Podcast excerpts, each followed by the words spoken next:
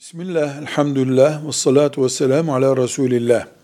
Kadının bedeni ve bedenine ait dış görüntü veren organları erkekler tarafından görünmesi haramdır.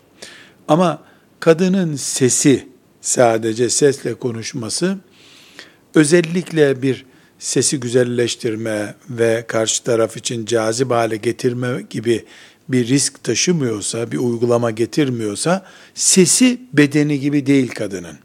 Bu sebeple kadının telefonla, alo ben şu işi pazarlıyorum, şu fiyata satıyorum demesi esasen yaptığı iş helal bir işse, mesela helal bir mamul satıyorsa, haram olan bir şeyi satmıyorsa, bunda bir sakınca olmaz.